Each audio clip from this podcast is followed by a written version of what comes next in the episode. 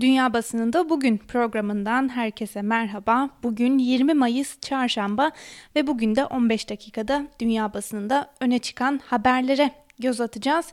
Ve her zamanki gibi bugün de Alman basınıyla başlayalım.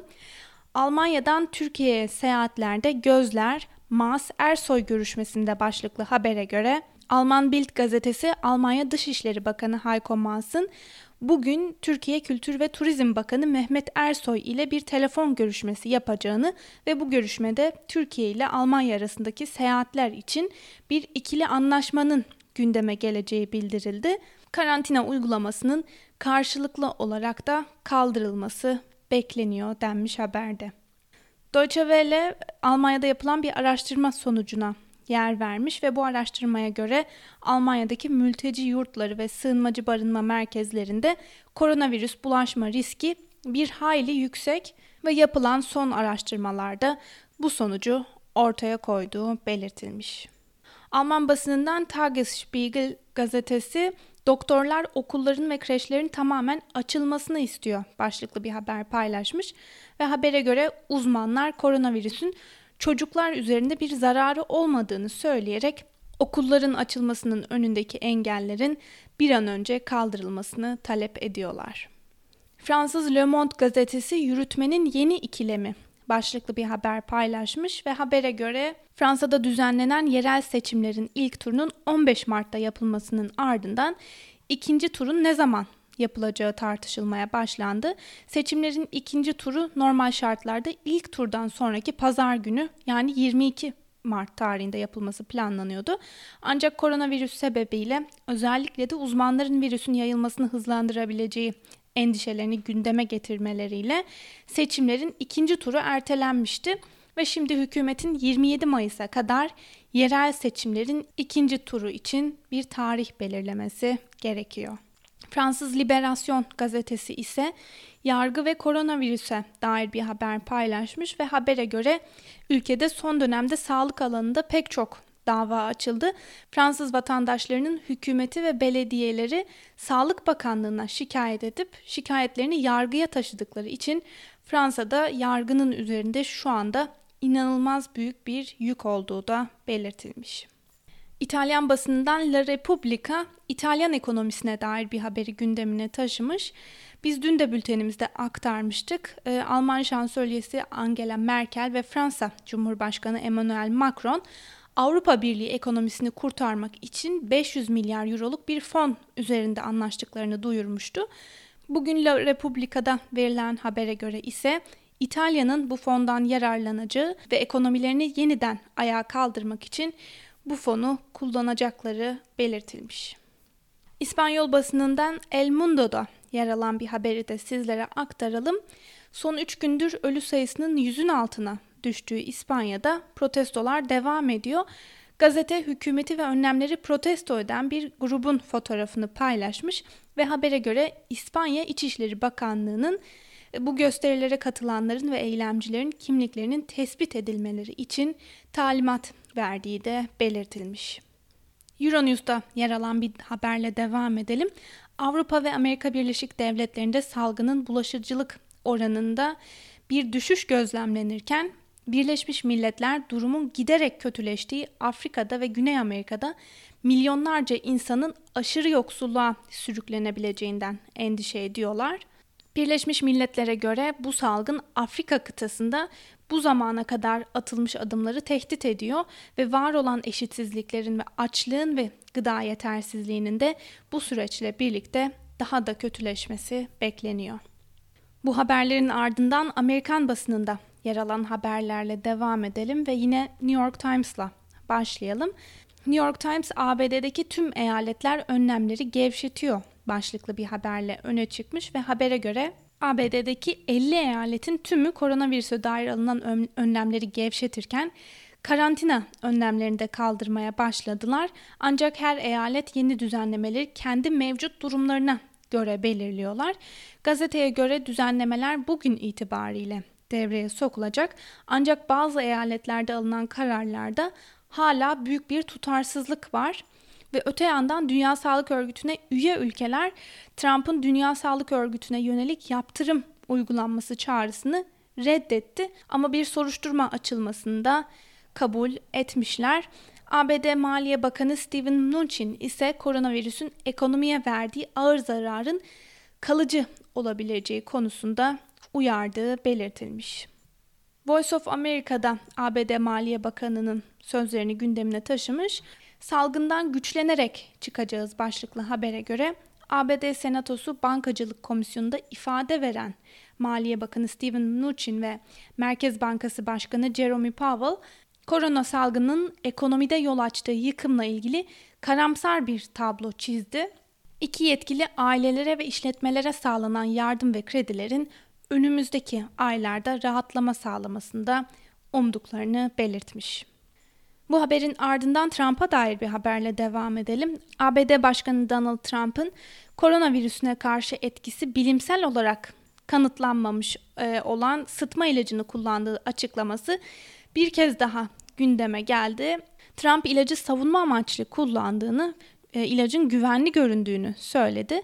Ancak Nisan ayında ABD basınında yer alan haberlerde araştırmalarda hidrosiklorinin kullanıldığı vakalarda can kaybının daha fazla görüldüğü belirtilen araştırmanın sonucu hatırlatıldığında ise Trump bu araştırma için uydurma bir araştırma ifadelerini kullanmış.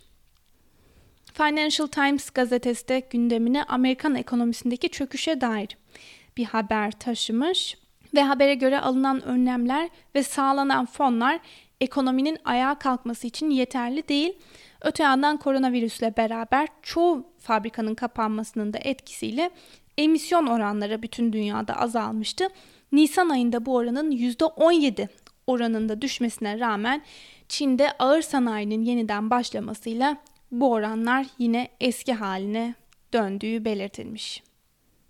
Washington Post gazetesi ise ABD'de artan ırkçılığın bir örneğini gündemine taşımış ve habere göre ABD'deki Asyalı doktor ve hemşireler ırkçı olan e, sözlü taciz ve fiziksel saldırılarda keskin bir artış olduğunu bildiriyorlar. Bu artan ırkçılık salgının ön saflarında mücadele veren Asyalı sağlıkçıları zor durumda bırakıyor. Hatta bazı COVID-19 hastalarının da Asyalı sağlık personelleri tarafından tedavi olmayı reddettiği belirtilmiş ve öte yandan ırkçılığın sadece hastanelerde değil oradan ayrıldıktan sonra günlük yaşantılarında da artan bir e, ırkçılıkla karşı karşıya kaldıkları belirtilmiş. Bir diğer haberde ise New York'taki hastanelerden gelen raporların sonuçlarına yer verilmiş ve buna göre New York'taki yaşı büyük olan ve ventilasyon cihazlarına ihtiyaç duyan çoğu COVID-19 hastasının hayatını kaybettiği belirtilmiş.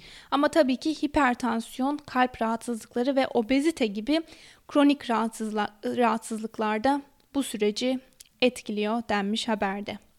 Amerikan basınının ardından İngiliz basınında yer alan haberleri de sizlere aktaralım. The Guardian İngiltere'deki okulların açılıp açılmayacağına dair süren tartışmaları gündemine taşımış ve habere göre bu konuda e, ülkede bir kriz yaşanıyor. Bir kesim çocuklarını okula göndermek istemezken bazı uzmanlar da virüsün çocuklar üzerinde etkili olmadığını savunuyor.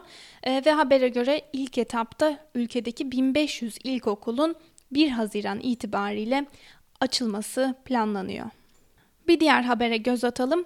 İngiltere'de virüsün yayılımını takip edip kontrol altında tutmak için kullanılması planlanan uygulamanın henüz hazır olmadığı belirtilirken yetkililer uygulamanın gecikmeli olarak Haziran ayına kadar hazır olacağını açıkladı.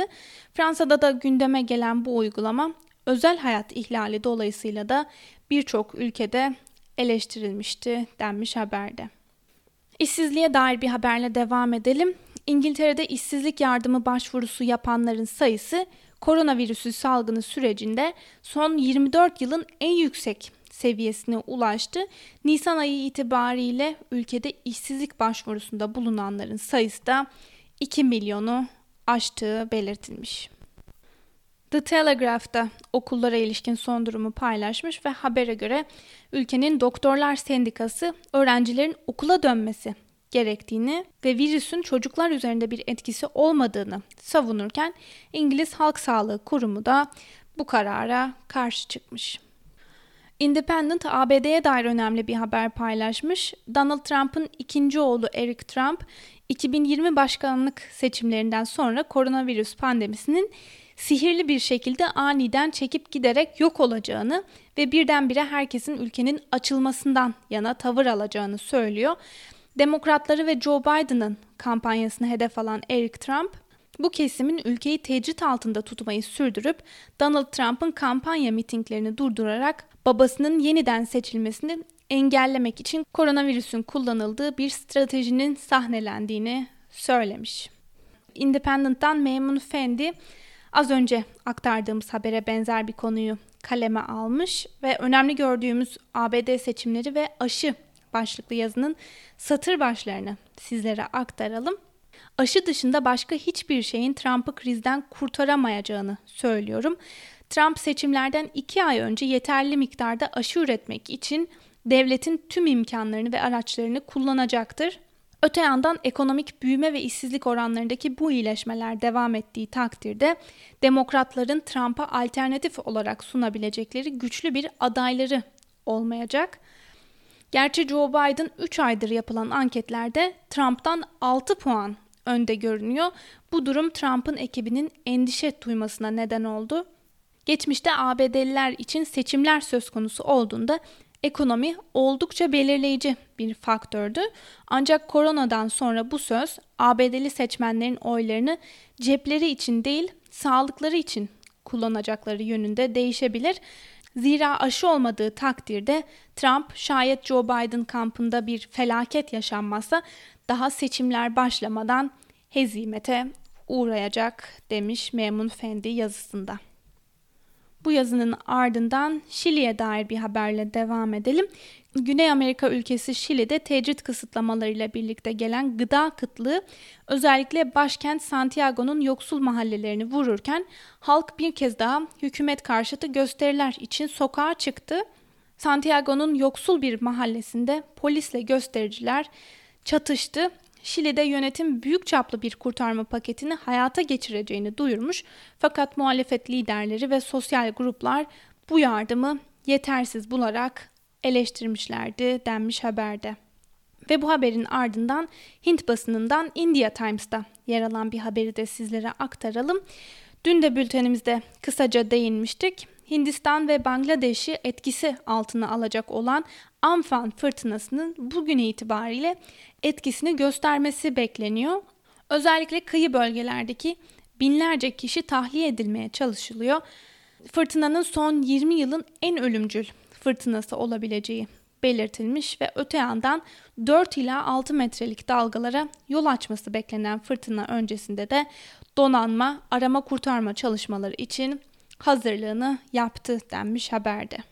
Ve son olarak Rus basınından Moscow Times'ta yer alan bir haberi sizlere aktaralım. Moscow Times, Media Zona isimli kurumun yaptığı bir analizi gündemine taşımış ve yapılan analize göre Rus doktorların diğer ülkelerdeki meslektaşlarından 16 kat daha fazla tehlike altında oldukları belirtilmiş ve habere göre Rusya hala resmi olarak virüsten ölenlerin gerçek sayısını açıklamazken hayatını kaybeden sağlık çalışanlarının da sayısı açıklanmıyor. Geçen aydan bu yana ülkenin doktorları meslektaşlarının ölümlerini bildiriyorlar. Fakat resmi olarak kayıtlara bu ölümlerin geçmediği de belirtilmiş. Sevgili Özgürüz Radyo dinleyicileri, bu haberle birlikte bugünkü programımızın da sonuna geldik. Yarın aynı saatte görüşmek dileğiyle. Hoşçakalın.